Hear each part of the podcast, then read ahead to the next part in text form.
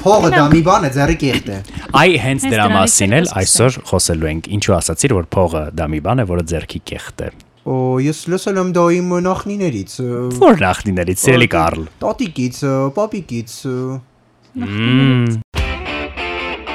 Սիրելի մարդիկ, ովքեր մեզ հիմա լսում են կամ FM հաճախականությամբ 103.8-ով, կամ բազմաթիվ հարթակներից որևէ մեկով, Spotify-ով, Apple Podcast-ով, ուղղակի ուզում եմ ասել, որ եթերում է երկու տանդեմը։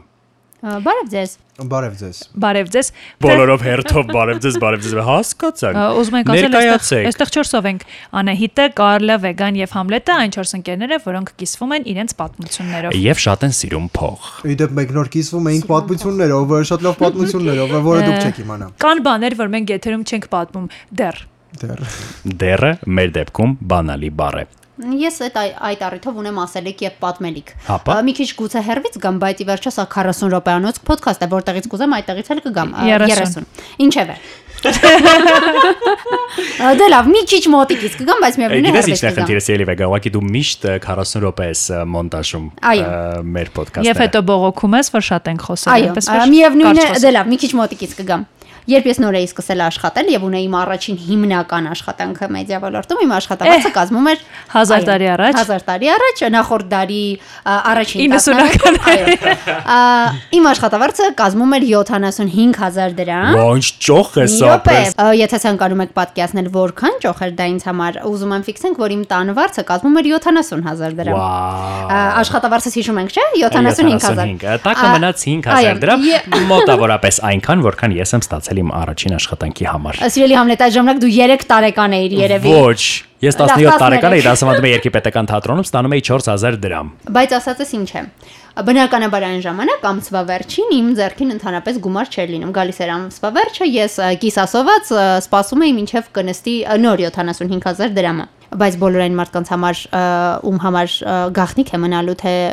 ինչպես է ապրում ես այդ 5000 Ինչպես դրամը։ էր ապրում, ինչպես էր ապրում։ Ես շաբաթ կիրակի օրերին փաբում աշխատում էի որպես մատուցող եւ այդ գումարով գնում էի գործի, գալիս էի տուն։ Վաու։ Այո, ինչևէ։ Կարծում դա էր քո հիմնական աշխատանքը։ հարցին, գանք հարցին, որն ուզում եմ ես այսօր քննարկենք։ Այո։ Եվ բնականաբար այս ժամանակ ամսվա վերջում, ինչպես արդեն ասացի, գումար չէի ունենում առհասարակ, ես սպասում էի նոր աշխատավարձին։ Անցել են տարիներ, երկար տարիներ, շատ տարիներ, բազում տարիներ։ Ես աշխատում եմ ավելի շատ։ ասելու ես 75 որքան դրամներ, տարում։ Չեմ ասելու, բայց դե մի քանի անգամ ավելի շատ, քան 75000 դրամն է։ Եվ կրկին ամսվա վերջին չեմ ունենում ոչ մի դրամ եւ սպասում եմ հաջորդ աշխատավարձին։ Ինչու։ Ինչու ես չեմ Գնաճը կարողանում 12% է Հայաստանի Հանրապետությունում 2022 թվականի հունվարի 1-ից մինչև հիմա։ Բացի այդ, Սերանայդ, ես սիրում եմ քո պետականամետ մոտեցումները մեր ոդկասթում եւ բոլոր խնդիրների ակունքը պետության մեջ մանգալը սիրում եմ այդ փաստը, բայց ուղղակի ուզում եմ ասել, որ ես որպես մարդ, որի աշխատավարձը դուք հաճախ եք մատնանշում այս ոդկասթի ընթացքում, ուզում եմ ասել քոնը չէ Կարլինն էլ հանուն արդարության։ Այո։ Այսինքն այստեղ ոչ միայն հարցը գնաճն է, այլ այն, որ մենք որպես մարդիկ եւս աճում ենք։ Մեր ցանկությունները մեծանում են, մեր պայմանները եւ պահանջմունքները փոխվում են, հասկանում եք։ Այո, ես եւ Անահիտը թայլանդական մերսման են գնալու։ Բայց չունենք փող։ Բայց ա, ձեզ չենք տանելու։ Պարտքով գիտեք ումից կարող եք վերցնել։ Երեք վարկյան առաջ։ Ես չունեմ փողը։ Ես Մի հայլանդական մասաժ եմ գնալ։ վարքյան։ Մի վարքյան։ Ես ասացի մենք չունենք փող, Համլետը ասաց Պարտքով կարող եք վերցնել գիտեք ումից։ Մենք ընկերներ ակնկալում էինք, որ դուք դա մեզ կնվիրեք։ Ը, Կարլը նկատի ունեիք ես էլ վերջ։ Ինչու միայն Կարլը։ Թեմա բացվեց, ես գնում եմ ժամադրության, ես պետք է առնեմ Տոմսեր ը, ուրիշ տեղի։ Այնպես որ հույսը մի դրեք իմ վրա։ Փակենք Բայց դու թեման։ ասացիր արդեն առել ես այդ տոմսերը։ Այո, չունեմ։ Եգիպտոս ես գնում Չէ, չէ, ժամադրության։ բավական թանկտեղ։ Ցանկանոց ատրակցիոնների պարկ։ Մնաց միայն քաղաքի անունը։ Բայց այստեղ փողի հետ կապված մի նկատառում անենք, որ Կարլը նախորդ էպիզոդներից մեկի ժամանակ երբ մենք խոսում էինք ժամադրությունների հաշիվը փակելու մասին, Պաշտոնապես ցանկանում եմ ներողություն խնդրել, ես սխալ էի։ Վաու, իսկ ով էր ճիշտ։ Մենք բոլորը։ բոլորս։ այնպես որ դու ասում էիր հաշիվը չի փակում տղամարդը կամ չի գնում ինչ որ տոմսեր, 50-50-ը դա կեղծորակարգ էր։ Եվ պիտի այստեղ շնորհավորենք քեզ, դու գնում ես ժամադրության երկրորդ։ Արդեն երկրորդին։ Այո, հրաշալի հուսալի է։ Համոջան շատ բան ես Բայց մի բան էլ պիտի ասեմ։ Համլետը է Եգիպտոսում այ, Շատ լավ է ասում։ Ով է այդ աղջիկը, սա այն ուզած ստատուս ունեցող աղջիկը չէր։ Հիշում եք որ Ուզածը էլ ուզած չեմ։ այո նոր ուզած Նոր ուզած կա, որի հետ դեյթի երկը։ աղջիկ է անունը չեմ տա Իսկ նա լսում է մեր ոդքասթը։ չէ Ինչ Շատ վատ է մարդ ես ամեն դու, ինչ։ Ինչ մարդ ես դու։ Վերադառնանք փոխ- Վերադառնանք փողին։ ասաց Համլետը, որ փոխվում ենք եւ փոխվում են մեր պահանջմունքները, օրինակ մի քանի տարի առաջ երբեք մեր մտքով չէր անցնի գնալ մերսման, որովհետեւ օրինակ հոզված ենք, հոգնած ենք եւ լարված։ Ստրեսներ ունենք, ուզում ենք գնանք մերսման, չէ՞։ Իսկ մեր սումը թանկ արժի։ Այո։ բավականաչափ թանկ Հետևաբար, parz է ուրեն կորում մեր փողերը։ Եվ ի վերջո, դուք տեսել եք տաքսու գները։ Դուք տեսել եք դոլարը ինչքան է իջել։ Ես ուզում եմ բողոքել տաքսու գներից, կարող եմ, սա ինչ բան է, Սարսափելի մի բան է։ Այսօր ես ու քույրս մենք իրար այդքան էլ չենք սիրում։ Ստիպված միմյանց հետ իջանք կենտրոն մասիվի բարձունքից, որովհետև որոշեցինք share անել տաքսուգինը։ տաքսու գները միավորում են քու- քույրերի Այո։ Տաքսուգները դրա համար է Բայց մի բան ասեմ, օրինակ չեք կարծում, որ դա նորմալ է, որ դուք ծախսում եք։ Տաքսու վրա չէ իհարկե, համաձայն եմ, բայց օրինակ մերսման վրա եւ այլ հաճույքների նորմալ չէ ծախսելը։ Ով ասաց, որ միշտ պետք է խնայել։ Եկեք հասկանանք, մենք առհասարակ խնայում ենք, թե ոչ։ Ինչպես հասկացանք, չենք խնայում։ Մենք 4-ից, չէ, ես խնայում եմ։ Դու խնայում ես, Ես չունեմ խնայած գումար։ ես ունեմ խնայողական հաշիվ որի վրա կա 0 դրամ Ես նույնիսկ չունեմ խնայողական հաշիվ, որովհետև կարծում եմ դա վիրավորական կլինի հաշվից նկատմամբ։ Արդարության համար ասեմ, որ ես սկսել եմ խնայել, երբ սկսեցի շատ աշխատել, այսինքն մի քանի տեղ աշխատել եւ մի քանի այսպես աշխատանքի վայրից ունենալ եկամուտ, այդ դեպքում իմ մոտ խնայելը մի քիչ սկսեց հեշտանալ։ Մինչեւ այդ երբ ես էլ էի աշխատում մի տեղ։ Սիրելի Համլետ, ես աշխատում եմ 3 տեղ։ Ես էլ։ ես 5։ Այս պահին։ Մեղա, մեղա։ Ոյ, ասեմ։ Չէ, մի ասա, Է, սիրելի շատ Համլետ, մի բան էլ մեջներս Մի պահի։ մի գովազդիր Դուք քեզ։ ռադիոից փող եք տալիս համլետին տվեք։ Չէ, չէ, կար, մենակ դու չես տեղ անվճար աշխատում, կարա համոին էլ չենք տալ լույս։ Օրվա Չէ, հացով։ չէ, չէ, սխալ հասկացար ամեն։ Որբա հացի։ Իրականում Համլետը հետաքրքիր հարց է տալիս։ Իսկ գուցե պետք է մենք մտածենք, որ այ քեզ բան, մենք երիտասարդ ենք, իսկ ինչու պետք է խնայենք, Հենց էլ պետք է ծախսենք մինչև վերջին կոպեկը եւ գնանք տարբեր մերսումների, լողավազանների եւ նման վայրեր։ Իրականում, եթե խոսում ենք երիտասարդության մասին, առհասարակ քաղաքագիրտ աշխարհում, արևմտյան օրինակ աշխարհում ընդունված է հենց երիտասարդ տարիներին խնայել, որպեսզի հետո կարողանաս ավելի հասուն տարիքում վայելել այն գումարները, որոնք խնայել ես։ Բայց հայաստանյան իրականությունը մի փոքր այլ է։ Մենք այո շատ ենք աշխատում, մենք ես օրինակ չեմ կարողանում խնայել, որովհետև ես ունեմ վարկեր, որոնք վճարում եմ իմ աշխատավարձից։ Եվ երկար մտածում էի հաշվարկ էի անում, որ եթե օրինակ չունենայի վարկերը, հավանաբար կխնայի, բայց պատկերացնում եմ, որ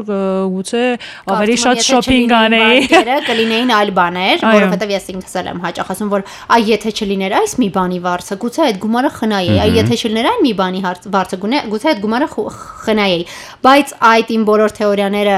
հողին են հավասարվում այն ժամանակ, երբ որ ես այդ ամիս ինչ որ կողմնակի եկամուտ եմ ունենում, եւ անկախ նրանից այդ կողմնակի եկամուտը որքան խոշոր է լինում, միևնույն է այն իմ հիմնական եկամուտի պես ինչ որտեղ է փախնում Ինձ թվում է դու վատ եւ ոչ գրագետ ծախսող ես այո։ որովհետեւ կարծում եմ, որ այնուամենայնիվ մենք գոնե պիտի որոշակի նպատակների համար խնայած գումար ունենանք։ Ֆինանսական դեռևս չի։ ստացվում։ Բայց օրինակ բնակարան գնելու համար վեգանել ունի այդ խնդիրը ես էլ չէ մենք ուզում ենք ունենալ բնակարան կամ մեքենա հետեւաբար մենք գոնե պիտի փոքր քայլերով այդ երազանքին այդ նպատակին մոտենանք հենց գումար խնայելու Բայց մեզ դա ոչ ոք չի սովորացել։ Ինչու՞ սիրելի Անահիտ։ դու ճիշտ ասացիր, որ ես չունեմ է։ ֆինանսական, այսպես ասած, այդ գրագիտություն։ Իսկ ով ինձ դա պետք է սովորեցնել։ Ով պետք է օրինակ ասել, որ, չգիտեմ, գիտես, օրինակ կա աշխատավարձի այսքան տոկոսը, որը նախատեսված է սրա համար, գուցե դպրոցում դա մեզ Քեզ կյանքը պետք է Ա, Չի սովորեցնել։ սովորեցել, սիրելի կա։ Այո։ Իրականում- ոչ էլ բակը, ինչպես Բայց դու ավելի մոտ էի սովորել, Ոչ կյանքը, ամեն ոչ ինչ գնում էր բակը։ որ դու սովորեի։ Հիմա կարծեմ նույնիսկ կան նախագծեր դպրոցներում հենց ֆինանսական գրագիտություն առարկան դասավանդելու եւ նաեւ գումարած դրան բիզնեսի հիմունքները կարծեմ երեխաներին սովորեցնելու, սա շատ լավ բան է։ Իրականում ես կարծում եմ, որ մեր սերունդը մի քիչ դժել է ժամանակի առում, առումով, որովհետեւ այն ժամանակ, երբ մեր ծնողները մեզ մեծացնում էին, մտքներով չեր անցնում նույնիսկ, որ մեզ պիտի սովորեցնեն ֆինանսական գրագիտություն։ Մտքներով չեն ասում, որ մենք փող կունենանք։ Այո, որովհետև այն ժամանակ ունեինք պարզապես ապրելու, գոյատևելու, հացի խնդիր լուծելու հարց։ Այնպես որ այդ մարդկանց եկեք չմեղադրենք։ Շատ ուրախ Կյանքն էլ որ չսովորեցրեց։ Սովորեցնում մեր ժամանակով հայոց լեզու, Լավ, մաթեմատիկա, իսկ- այդպես բաներ։ Բայց այնպես չէ որ այս խնդիրը միայն Հայաստանում է իդեպ, որովհետև ես կարծում եմ, որ աշխարհի երիտասարդության մեծ տոկոսը ֆինանսական գրագիտություն ասվածը սովորում է ալտերնատիվ տարբերակով, ասենք YouTube-ով կամ բլոգերների միջոցով կամ ինչ որ հատուկ ա, ալտերնատիվ կրթության, ոչ ֆորմալ կրթության հիմքով ստեղծված ծրագրերով, գրքերով եւ այլն համաձայն չեք։ համաձայն եմ, բայց ու- ուզում եմ Ես չգիտեմ, որ իմանայի ինքս կսովորեի։ որ իմանայր կարող է վարկ չվերցնեիր։ Ինչու եմ ուզում դրա մասին խոսել։ Ըստ ֆինանսների կառավարման ժամանակակից մեթոդաբանության պարտքով գումար վերցնելը, իսկ վարկը համարվում է եւս ինչ որ պարտք, որը դու անում ես բանկից, հա, այսպես ասած, էներգետիկ առումով վատ է ազդում քո ֆինանսական հոսքերի վրա։ Դու ըստ այդ տեսությունների կարծես ապրում ես մի բան, որի համար դեռ չես վճարել։ Այո։ Շատ կներեք իհարկե, բայց ես վարկը վերցնում եմ ոչ իմ հաճույքի համար, վերցնում եմ պետքի համար։ Այսինքն Այո, օրինակ սովորաբար Հայաստանում նաև դա է շատ վատ պրակտիկա, որ մարդիկ Օրինակ կարող են շատ պրիմիտիվ թվացող բաների համար առորիայի օրինակ, չգիտեմ, նոր տարվա ավելի ճոխ սեղան ունենալու եւ նման տեսակ երևույթների համար վերցնել վարկով գումար եւ հետո չկարողանալ դա փակել։ Նույնիսկ այն պարագայում, երբ օրինակ ճունես ստատիկ աշխատավարձ։ Բայց ես կարծում եմ, որ ես եւ Կարլը բավականաչափ գրագետ ենք մտածել այդ հարցին եւ իսկապես կարիքի համար ենք։ Իդեպ ես ունեմ այսինքն շատ լուրջ կարիք է, սիրելի Կարլ, հերախոսն ու համակարգիչը եւ այն, որ դու դրա համար վերցրել ես վարկ։ Ա, Իհարկե լուրջ կարիք է, որտեղ մարդը աշխատում է մեդիայում եւ IT ոլորտում։ Նրան պետք են դրանք գործիքներ են աշխատանքային։ Իհարկե ես դա հաճույքի համար էի, ես բայց մերսի։ Իդեպ Դե դա ինձ հիշեցրեց մի տխուր պատմություն, ես ունեի մի ընկերուհի,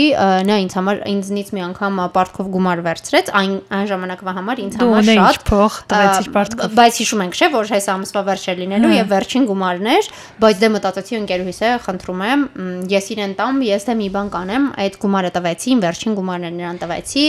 Իրոք այդ ամիս ինձ շատ լուրջ դժվարությունների պատճառ դարձավ այն, որ ես նրան այդ գումարը պարտքով տվեցի։ Պետք էր ինձ այդ գումարը, բայց դե ենթադրեցի, որ եթե պարտք է խնդրում, երևի իրեն ավելի շատ է պետք։ Պատկերացրեք իմ հիասափությունը, երբ ես պարտեցի, որ նա իրեն պարտապես հոգուստ էր գնել այդ Այ գումարը։ Իդեպ պարտքով փող վերցնող ծանոթները, բարեկամները, ընկերները։ ես? Ոչ։ Դու ոչ դու։ Ա, Նկատել եք Կտամ փողը ծիրելի։ Ինչպես հասկացաք, ամենահարուստը մեր տղաներն են, որոնք չեն առնում մեզ մերսման կտրոն։ բայց Սելի տալիս եմ կարլարի մարդու- կիսվենք առնենք էլի այդ մերսման։ Շնորհակալ։ Կարելի է չէ, կկիսվես կտաս այդ Թայլանդական։ 10000 դրամը։ Ը, 10 չի։ Դե 20 ընդհանուր կկիսվենք 10 համոջած- 10։ Մենք երկու հոգի ենք։ Ա, ներողություն 40 20 20 լավ։ 40 չի գալիս, հա։ Լավ, 15, 15, լավ, 15, 15։ Վերջացրեք։ Նկատել եք, որ մենք բոլորս ունենք ինչ որ ծանոթներ, որ մեզանից վերցնում են պարտքով փող ու այդ տխմարները մոռանում են, որ վերցրել են պարտքով փող։ Չէ, լավ, իմ մասին չեր ասում։ Այո։ Ես ես մենակ ես եմ այդպեսի խնդրի բախվել։ Ես սովորաբար Ունեմ պարտքի տետր։ ունեմ քաղաքականություն մարդկանց պարտքով գումար չտալու։ Ինչու։ Որովհետև բազմիցս ստացվել է այնպես, որ հայտնվել եմ եւ Կարլի եւ Վեգայի իրադրության մեջ։ Այնպես է ստացվել, որ օրինակ ինձ էլ է շատ պետք է եղել գումարը կենսական անհրաժեշտություն է եղել, բայց մարդը վերցել է եւ օրինակ, չգիտեմ, գնացել է սրճարան, բայց հետո չի վերադարձել կամ ասած ժամկետին չի վերադարձել, այդպիսի դեպքերը շատ-շատ են եղել եւ ես որոշել եմ, որ պարզապես չեմ տալու մարդկանց պարտքով գումար։ Կարող եմ տալ գումար, չակնկալելով վերադարձ։ Այսինքն եթե ես եթե ինձից խնդրում են ինչ-որ մեկը գումար, ես մտածում եմ, եթե իհարկե ամենամտերիմ մարդկանց մասին չի խոսքը սիրելիներ, եթե ձեզ պետք լինի, ես կտամ։ Բայց եթե գիտեմ, որ հավանականություն կա գետ 1% որ այդ մարդը գումարը չի վերադարձնելու, ես տալիս եմ եւ չեմ ակնկալում վերադարձ։ Այսինքն հույս չեմ ունենում այլևս այդ փողի հետ կապված։ Ոչ մի պլան չեմ կազմում այդ փողի մասին։ Նման մի տակտիկա օգտագործում են իմ բարեկամները։ Նրանք ուզում են գումար, վերջ, վերջակետ։ Եվ մոռանում են։ Ի վերջո կարևորագույն դիլեմա. վերցնել վարկ կամ պարտքով գումար եւ ապրել այնպես ինչպես ուզում ես հա թե շարունակաբար խնայել հետաձգելով այն հաճույքը որը պիտի գա մի օր հավաքել այդ գումարը եւ ունենալ այդ երազանքների իրը Ես կարծում եմ, որ անկեղծ եմ մարդ, որը ունեցել է եւ պարտքը եւ վարկ Ես կարծում եմ, որ շատ արդարացի է փողի մասին այն մի ժողովրդական ասացվածքը, ըստ որի պարտքը դա կրակի օղակ է։? Այն հոգեբանան իսկապես ճնշում է, երբ դու գիտես կապ չունի խոսքը վարկի մասին է, թե պարտքի մասն է, երբ գիտես, որ ամսվա ինչ որ օր կա, որ այդ գումարը պարտադիր պետք է հասցնես։ Ես կարծում եմ, որ դրանք բանը դրան պետք է հասնի այն խիստ անհրաժեշտության դեպքում ես հաճույքի համար պարտք լինել կամ հաճույքի համար ունենալ վարկին մի տեսակ Օրինակ շոտ տուն ունենալը եւս հաճույք է, չէ՞, սեփական տուն ունենալը, բայց դու գիտես որ հա, հա- կարող է եւ անհրաժեշտություն, հա, համաձայն եմ։ Եվ գիտես որ կարող է, չգիտեմ, տարիներ անցնեն, բայց դու չկարողանաս հավաքել այդ շատ լավ էլ կամ կլորիկ գումարը։ չկարողանալ հավաքել։ Դրա համար ես կարծում եմ ապրել։ այդ տեսակ դեպքերում ոչ, որովհետև վարձով տանը ապրելու, այդ վարձ տալու մշակույթը ինձ թվում է հենց գումարի վատնում է մի տեսակ, ես այդպես եմ կարծում, որովհետև եթե դու այդ ժամանակահատվածի համար օրինակ վերցնես հիպոթեքով վարկ, դու կարող ես այդ վարձի գումարը տալ եւ ապրել քո տանը։ Բայց դա բացառապես այն դեպքերում, երբ որ դու արդեն ունես է։ Հիմա հարցը այն է, որ եթե այդ տեսակ կարևոր ֆունդամենտալ գործերի մասին ենք խոսում, ես կարծում եմ, որ կարելի է պետությունից, բանկից վարկ վերցնել եւ նաեւ օգտվել որոշակի օրինակ աջակցման ծրագրերից եւ այո ունենալ պարտք Եթե ես, աշխատել մենք ամուսնանանք եւ ձեռք բերենք բնակարան, ոչ է շամ ամուսնանանք քեզ հետ այս տարի։ ինչ է փոխվել Այս տարի, ասած այս տարի, ասացի այս տարի, այս տարի գործեր ունեմ, կներեք։ Պետք է գնամ ժամադրության։ Պետք է հասցնի ժամադրությունների գնալ։ ես կարմրեցի ասածս ինչ է, որ կարելի է վերցնել վարկ, եթե դու գիտես, որ դա հստակ նպատակի համար է։ Կարևոր նպատակի, ֆունդամենտալ բաների համար։ Այո։ Իսկ վարկ վերցնելիս կարևոր չէ քո աշխատավարձի չափը, դա կարծեմ բանկերը հաշվի են, չէ՞ առնում։ Եվ որոշակի գումար պիտի հավաքած ունենաս։ Այո, հաշվի են առնում աշխատավարձի չափը եւ իրականում այնպես է ստացվում, որ մասնագետները, ֆինանսիստները ասում են, որ կա որոշակի տոկոս, օրինակ, եթե դու արդեն ունես որոշակի պարտավորություն, ինքդ կարող ես հաշվել եւ եթե 40%-ը արդեն քո աշխատավարձից օրինակ մուծումներին, վճարումների համար օգտագործում ես, այլևս խորհուրդ չի տրվում, որ նույնիսկ դիմես վարկ վերցնելու, որովհետեւ կարող ես ուղղակի չբավականացնել քո կարիքների համար ունեցած այդ աշխատավարձը։ Իդեպ ձեզ հաճախ են ձեր բարեկամները հարցնում ձեր աշխատավարձի չափի մասին։ Ոչ։ Բավականաչափ։ Ահա որ մի բան է, ինձ մի անգամ հարցրեց բարեկամներիցս մեկը, ասացի «Ա, ներեցեք Եվ դուրս եկա, ասեցի ներեցեք զանգ է գալիս։ Դու կարծում եք իրեն ասեցի ներեցեք, ասի ոչ, ներեցեք զանգ է գալիս դուրս եկա։ Այո, ես այդ խնդիրը ունեմ բարբերաբար, բայց ես չեմ չեմ ասում չափը։ Իհարկե պիտի չասես։ Մոտ չափ եմ ասում։ Մի քանի Շատ 100 խելացի ես միլիոն անգամ քիչ։ Ես իմ աշխատավարձը թաքցնում եմ իմ տանեցիներից Իմ ընտանիքի անդամները եւս երբեք չգիտեն ես որքան աշխատավարձ եմ ստանում։ Իրենք գիտեն, որ այդ թեմայով չի կարելի խոսել ինձ հետ, չեն հարցնում, է։ բայց քանի որ իմ եղբայրը հիմա աշխատում է պետական կառույցում եւ փաստորեն ինքը ամեն տարի լրացնում է հայտարարագրեր աշխատավարձների մասին, այդ ցանկում ցավոք սրտի ես էլ կամ ես էլ պիտի իմ աշխատավարձի չափը գրեմ,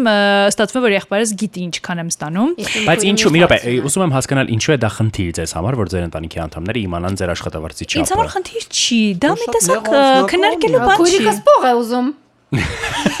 Չեմ ասում նրան, փող են ուզում սիրելի։ Եվ քանի որ ես գիտեմ, որ ես անգրագետ եմ ծախսում եւ շատ եմ վատնում գումար։ Այո, ես էլ ը, եմ։ Վստահ եմ, որ ընտանիքիս անդամներն էլ դա գիտեն։ Հետեւաբար իմ գլխին պիտի ավետարան կարդան։ Ինձ հետաքրքիր է։ Ես- Իրականում ես գիտեմ կարծես թե պատճառ ինչու պետք չէ ասել ընտանիքի անդամներին, որովհետև երբ որ դու ասում ես գումարի չափը,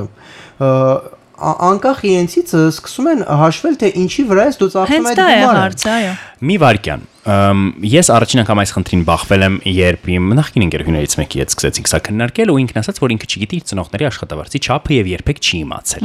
Եվ դրա համար նաեւ չեն իմանում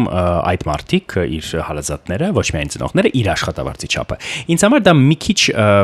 վայրի հնչեց, որովհետեւ մեր տանը օրինակ ես միշտ իմացել եմ իմ ծնողների աշխատավարձի չափը եւ իրեն գիտեն իմ իմ աշխատավարձի չափը, որովհետեւ մեր ընտանիքում մի տեսակ ֆինանսները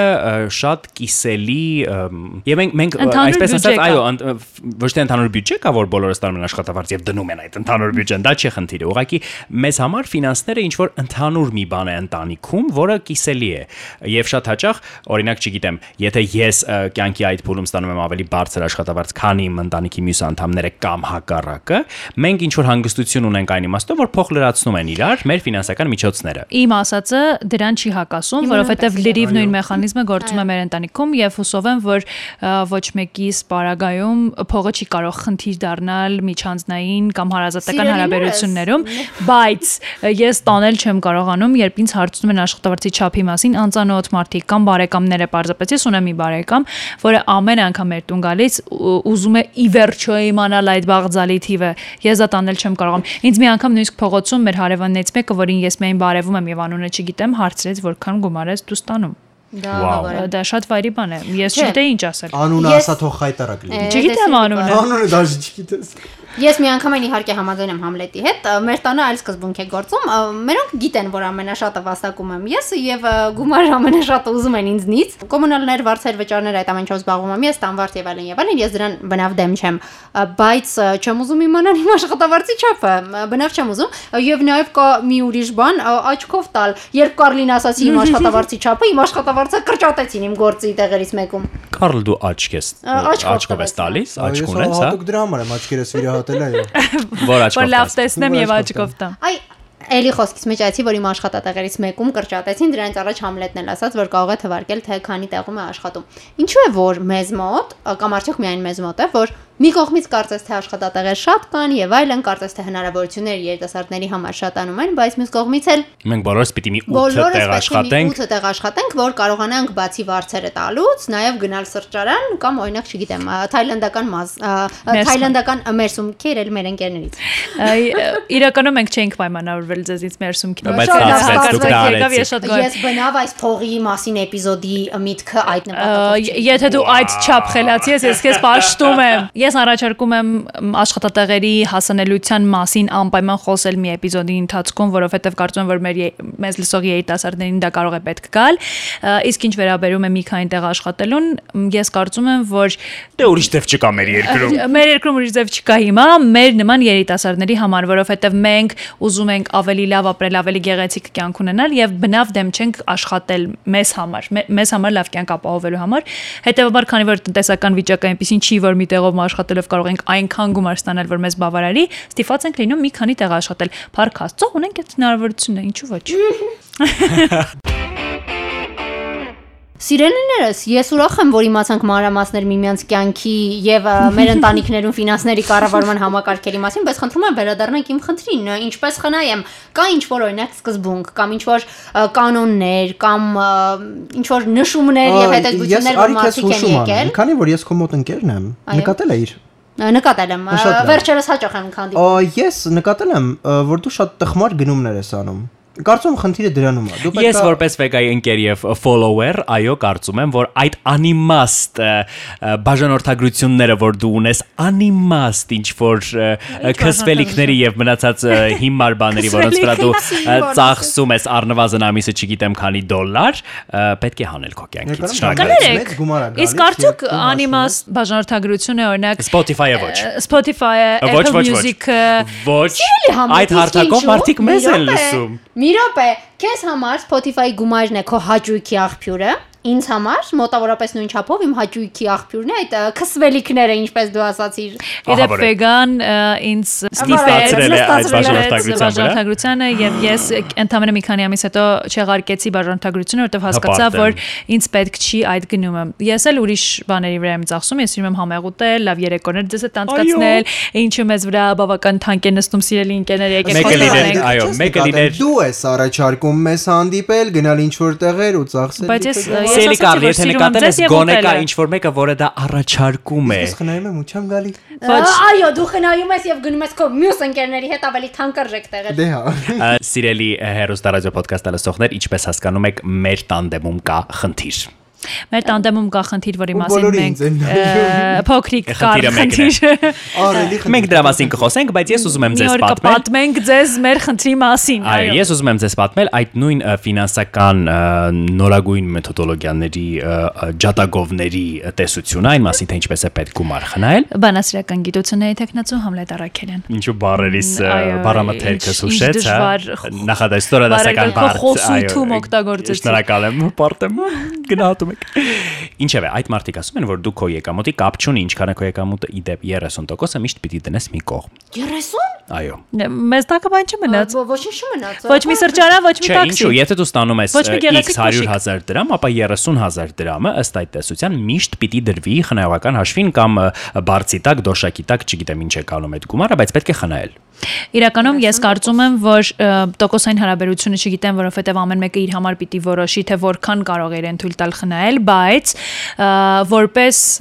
խորհուրդ վեգա ես այդպես արել եմ եւ աշխատել է հենց գումարը ստանալիս անում ես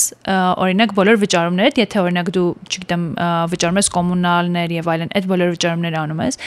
տակը մնացած փողը որ դեռ չես հասցրել օգտագործել գնումներ անել գնալ սրճարան տաքսի նստել եւ Բաժանորդագրվել այլն քսվելիքների։ այո բաժանորդագրվել որևէ այդ տեսակ բաների համար այո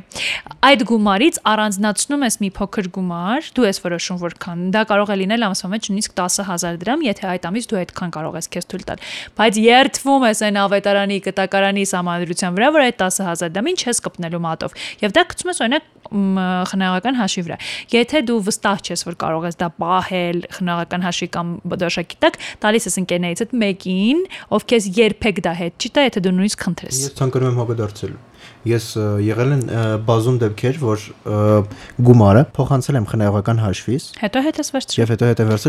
ասում։ որովհետեւ ը, անհրաժեշտությունը եղել է, ախր Չէ, անհրաժեշտությունը կա, եթե դու գիտես, որ այնտեղ կա գումար եւ դու արդեն մտքով տրամադրվել ես, որ դու դա ծախսելու ես։ Բայց եթե դու ուղակի համարես, որ այդ գումարը չկա,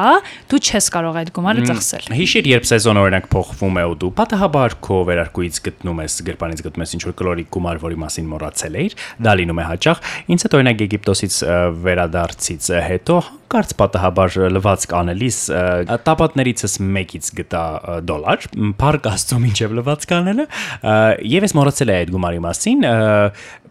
դա բավականին օգնեց այս եթե հարցնեմ քանի դոլար ը, դա օգնելու համար։ ը, քո անձնական Այո, Սելիկար դու իմ ընտանիքի անդամը չես եւ այս տեմպերով չես էլ Բայց դա աշխատավորց չէր։ ա ուզում էի նշել դրա մասին։ դոլարի կուրսը իմացա։ Հենց այդ մասին եմ ուզում խորհուրդ տալ։ Անահիտն ասաց, որ պետք է որոշակի գումար դնել մեկ այլ հաշվի, չէ՞։ Ինչ եմ ես անում։ Ես այն գումարը, որը պիտի խնայեմ, դարձնում եմ այլ արժույթ։ Դոլար, եվրո։ Դոլար եմ Քո առնում նմանների համար է իմը կուրսը ցածր։ որովհետև սովորաբար հենց իմ նմանները կուրսի տատանումներից ելնելով ափսոսում են միշտ այդ գումարը օրինակ մանրել եւ այլն Եվ եւ ոչ միայն։ այլն եւ այդ գումարի մասին մոռանալը ավելի հեշտ է քան դրամի որովհետև դրամը դու ամեն ինչ դրամով ես չէ հաշվում օրինակ չգիտեմ գիտես այս սրճանում այսքան գումար դրամով կծախսես եւ այլն իսկ այլ արժույթով հաճախ չես արագ հաշվարկներ անում ու միշտ այդ արժույթի մասին մոռանում ես Եվ գումարած դրան ժամանակ է քեզ պետք լինելու, որ տանես, արժույթը փոխես Մանրես եւ այլն։ եւ այլն։ Դրա համար իդեպ ես չեմ պահում արժույթի քարտ, ես պահում եմ արժույթի հաշիվ։ Դնում եմ հաշվի վրա, որpեսզի այդ արժույթը ձեռք բերելու համար գնամ հասնեմ բանկ, դա ինձ համար դառնա ավելորդ խոչընդոտ եւ ես դա երբեք չանեմ։ Ընկերներ, իսկ ավելի հեշտ է խնայելը, երբ դու ծախսում ես կանխիկով, թե երբ քարտով ես վճարում, որովհետև հարց։ երբ ես վճարում եմ քարտով, ես մի բան եմ հասկացել, որ երբ որոշում եմ ստուգել քարտի սպառողությունը, միշտ տեսնում եմ, որ այնտեղ շատ ավելի քիչ է, քան ես ենթադրում էի, սպասում էի կամ մտածում էի, որ պետք է լինի, ինչով է դա պայմանավորված։ Կրկին անդրադառնալով ֆինանսական տեխնոլոգներին, պիտի ասեմ, որ ասում են, որ եթե դուք ուզում եք գումար խնայել, պիտի կանխիկ պահեք գումարը ձեր ձեռքում, որովհետև կանխիկ գումարը դու զգում ես։ Ես կարծում եմ ինձ մոտ հակառակն է, որովհետև եթե իմ դրամապանակի մեջ կա կանխիկ գումար, կապ չունի թե որքան է այդ գումարը, ես երեկոյան տուն գնալիս չեմ ունենա ոչ մի դրամ դրամապանակիս մեջ։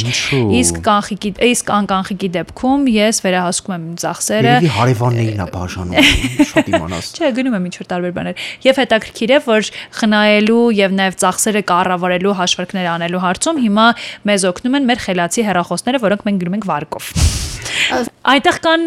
էլեկտրոնային դրամապանակներ, որտեղ դու կարող ես նշել ֆիքս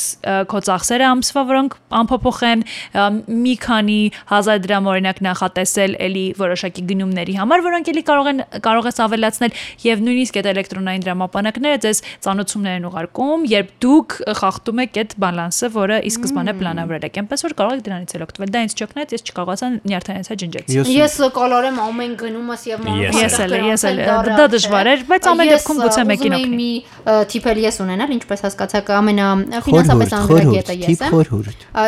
Ես միայն մի տարօրինակ եւ շատ տխուր խորհուրդ եմ գտել Reddit-ից մի տղա ասաց, որ ունի խնայելու մի ը,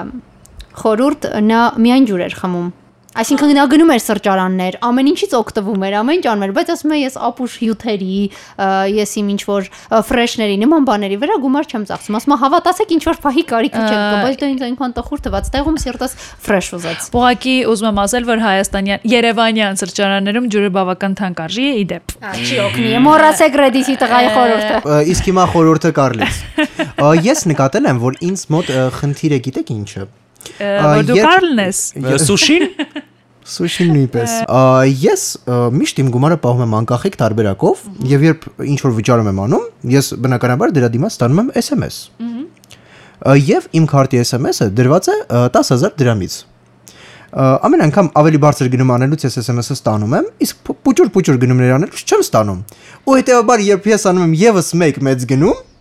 ես անակնկալի եմ գալիս։ Որովհետև լիքը մինչև այդ արել ես փոքր-փոքր։ Այո, տաքսո գնումը, չգիտեմ, ուրիշ։ Եվ վերջին խորհուրդը ինձնից մի տարբերակ է ֆինանսական խնայողության, որը ես օգտագործել եմ երբ ապրում էի Իսպանիայում եւ չունեի եկամուտ, այսինքն ունեի կրթաթոշակ, հետեւաբար ֆիքսված գումար, որը ինձ տրվել էր ը, 6 ամսվա համար, եւ ես պիտի այդ 6 ամսում այդ գումարի մեջ տեղավորվեի ինչ էլ անեի, որովհետեւ ոչ կարող էի աշխատել, չունեի դրա իրավունքը, ոչ էլ կարող էի Իսպանիայից վերադառնալ Հայաստան։ Ինչ էի արել։ Վերցրել էի, հաշվել էի, քանի օր եմ ես այդ գումարի, քանի օր եմ ես անցկացնելու Իսպանիայում եւ քանի օրում պիտի այդ գումարը ծախսեմ, հստակ մաթեմատիկական հաշվարկով հիշել էի Անահիտին իմ մտերիմ ընկերոջը եւ բաժանել էի այդ գումարը օրերի քանակի։ Ստացվել էր որոշակի լիմիտ։ Ենթադրենք ես օրվա մեջ կարող էի ծախսել 10 եվրո։ Վերցրել էի եւ դրանից մի քիչ էլ էի իջել, ինքս իմ համար, ասենք 7 եվրո, եւ սահմանել էի, որ ես օրը 7 եվրոից ավել պիտի չծախսեմ։ Ու ինչ էի անում։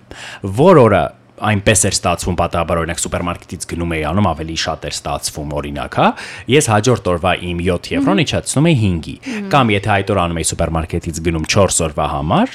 եւ ծախսում էի 4 օրվա գումար ես 4 օր անընդմեջ դուրս չէի գալիս Որերորդ օրը սոված մնաց իրասա ինձ։ Սոված չեմ մնացել երբեք։ Անկեղծ այդ մեթոդով, այդ մեթոդը աշխատել է, ասեմ ավելին հաշվի առնելով այն հանգամանքը, որ ես բաժանած գումարից նաև մի քիչ էլ իջեցրել էի սահմանը։ Ես խնայել էի եւ կարողացա ճամփորդել։ Ես կասկածում եմ, որ Խորհուրդ դու եմ սուշի տալիս չես կերել այնտեղ։ չեմ կերել բնականաբար Սելի Կարլուսանող էի ասպիրանտ պաշտպանում էի իմ բանասիրական գիտությունների այո տեխնացուի կոչման իրավունքը ինչևէ ուզում եմ ասել որ միշտ փորձել եմ դա անել Հայաստանում չի ստացվում Կարլ, այս տարի ամենաշատը ինչի վրա ես փող ծախսել։ Այո, վստահաբար կարող եմ ասել սուշիի վրա։ Ես գործում էի նիհարելու։ Ա, նիհար, աստված իմ, նի- այո, նիհարելը։ Հիշենք քո մարզասրահի ծախսերը Դու, սիրելի վեգա։ Սիրելիներս, իմ պատասխանը Կարլի նման ուրախ չէ։ Ես ծախսել եմ տան վարձի, երեխայի դպրոցի վարձի, վարկի։ Վեգանունի երեխայի դեպ։ կոմունալների եւ նման բաների վրա իրականում հանուն անկեղծության Դու ուզում եմ ասել իրականում իսկապես հանուն անկեղծության եւ արդարության ուզում եմ ասել համոզված եմ որ մեր ռադիոլսողների մոտ տպավորություն ստեղծ- ստեղծվեց որ ես իմ ամբողջ գումարը ծախսում եմ սրճարանների վրա իրականում ոչ ես իսկապես օրինակ տես քո ասած սխեման էլ ցավոք միշտ չի որ աշխատում է որովհետեւ մենք հաշվի չենք առնում օրինակ կողմնակի ծախսերը որոնք պատահաբար առաջ են գալի աստվածչանի առողջական խնդիրներն ի հայտ գալիս եւ Այ ինչ-որ դրա համար պետք է լինում այո միշտ խնայած Խնայած փող, գումար պետք է որովհետև այդ տեսակ արտակարգ իրավիճակներում անպայման պիտի ունենաս փող, որը քեզ կարող է փրկել նույնիսկ։ Այնպես որ կամ ունենալ լավ ընկերներ։ Դա էլ է կապիտալ։ այո կամ ունենալ գումար լավ ընկերների համար Այո։ այո Հրաշալի է այս հրաշալի նոտայի վրա առաջարկում եմ ամփոփել Շատ բարի էր, շատ բարի էր այս էպիզոդը։ Այսինքն մի անգամ թող բարի Սկանդալ եմ ուզում։ Սկանդալը հաջորդ էպիզոդում Հաջորդ էպիզոդում երբ մենք կպատմենք մեր տանդեմի խնդիրը, երկու ամիս է դեռ կա ոդքասթը, մենք արդեն ունենք լուրջ խնդիր քեզ հետ։ Ինձ է շատ կներեք։ Ինձ հետ։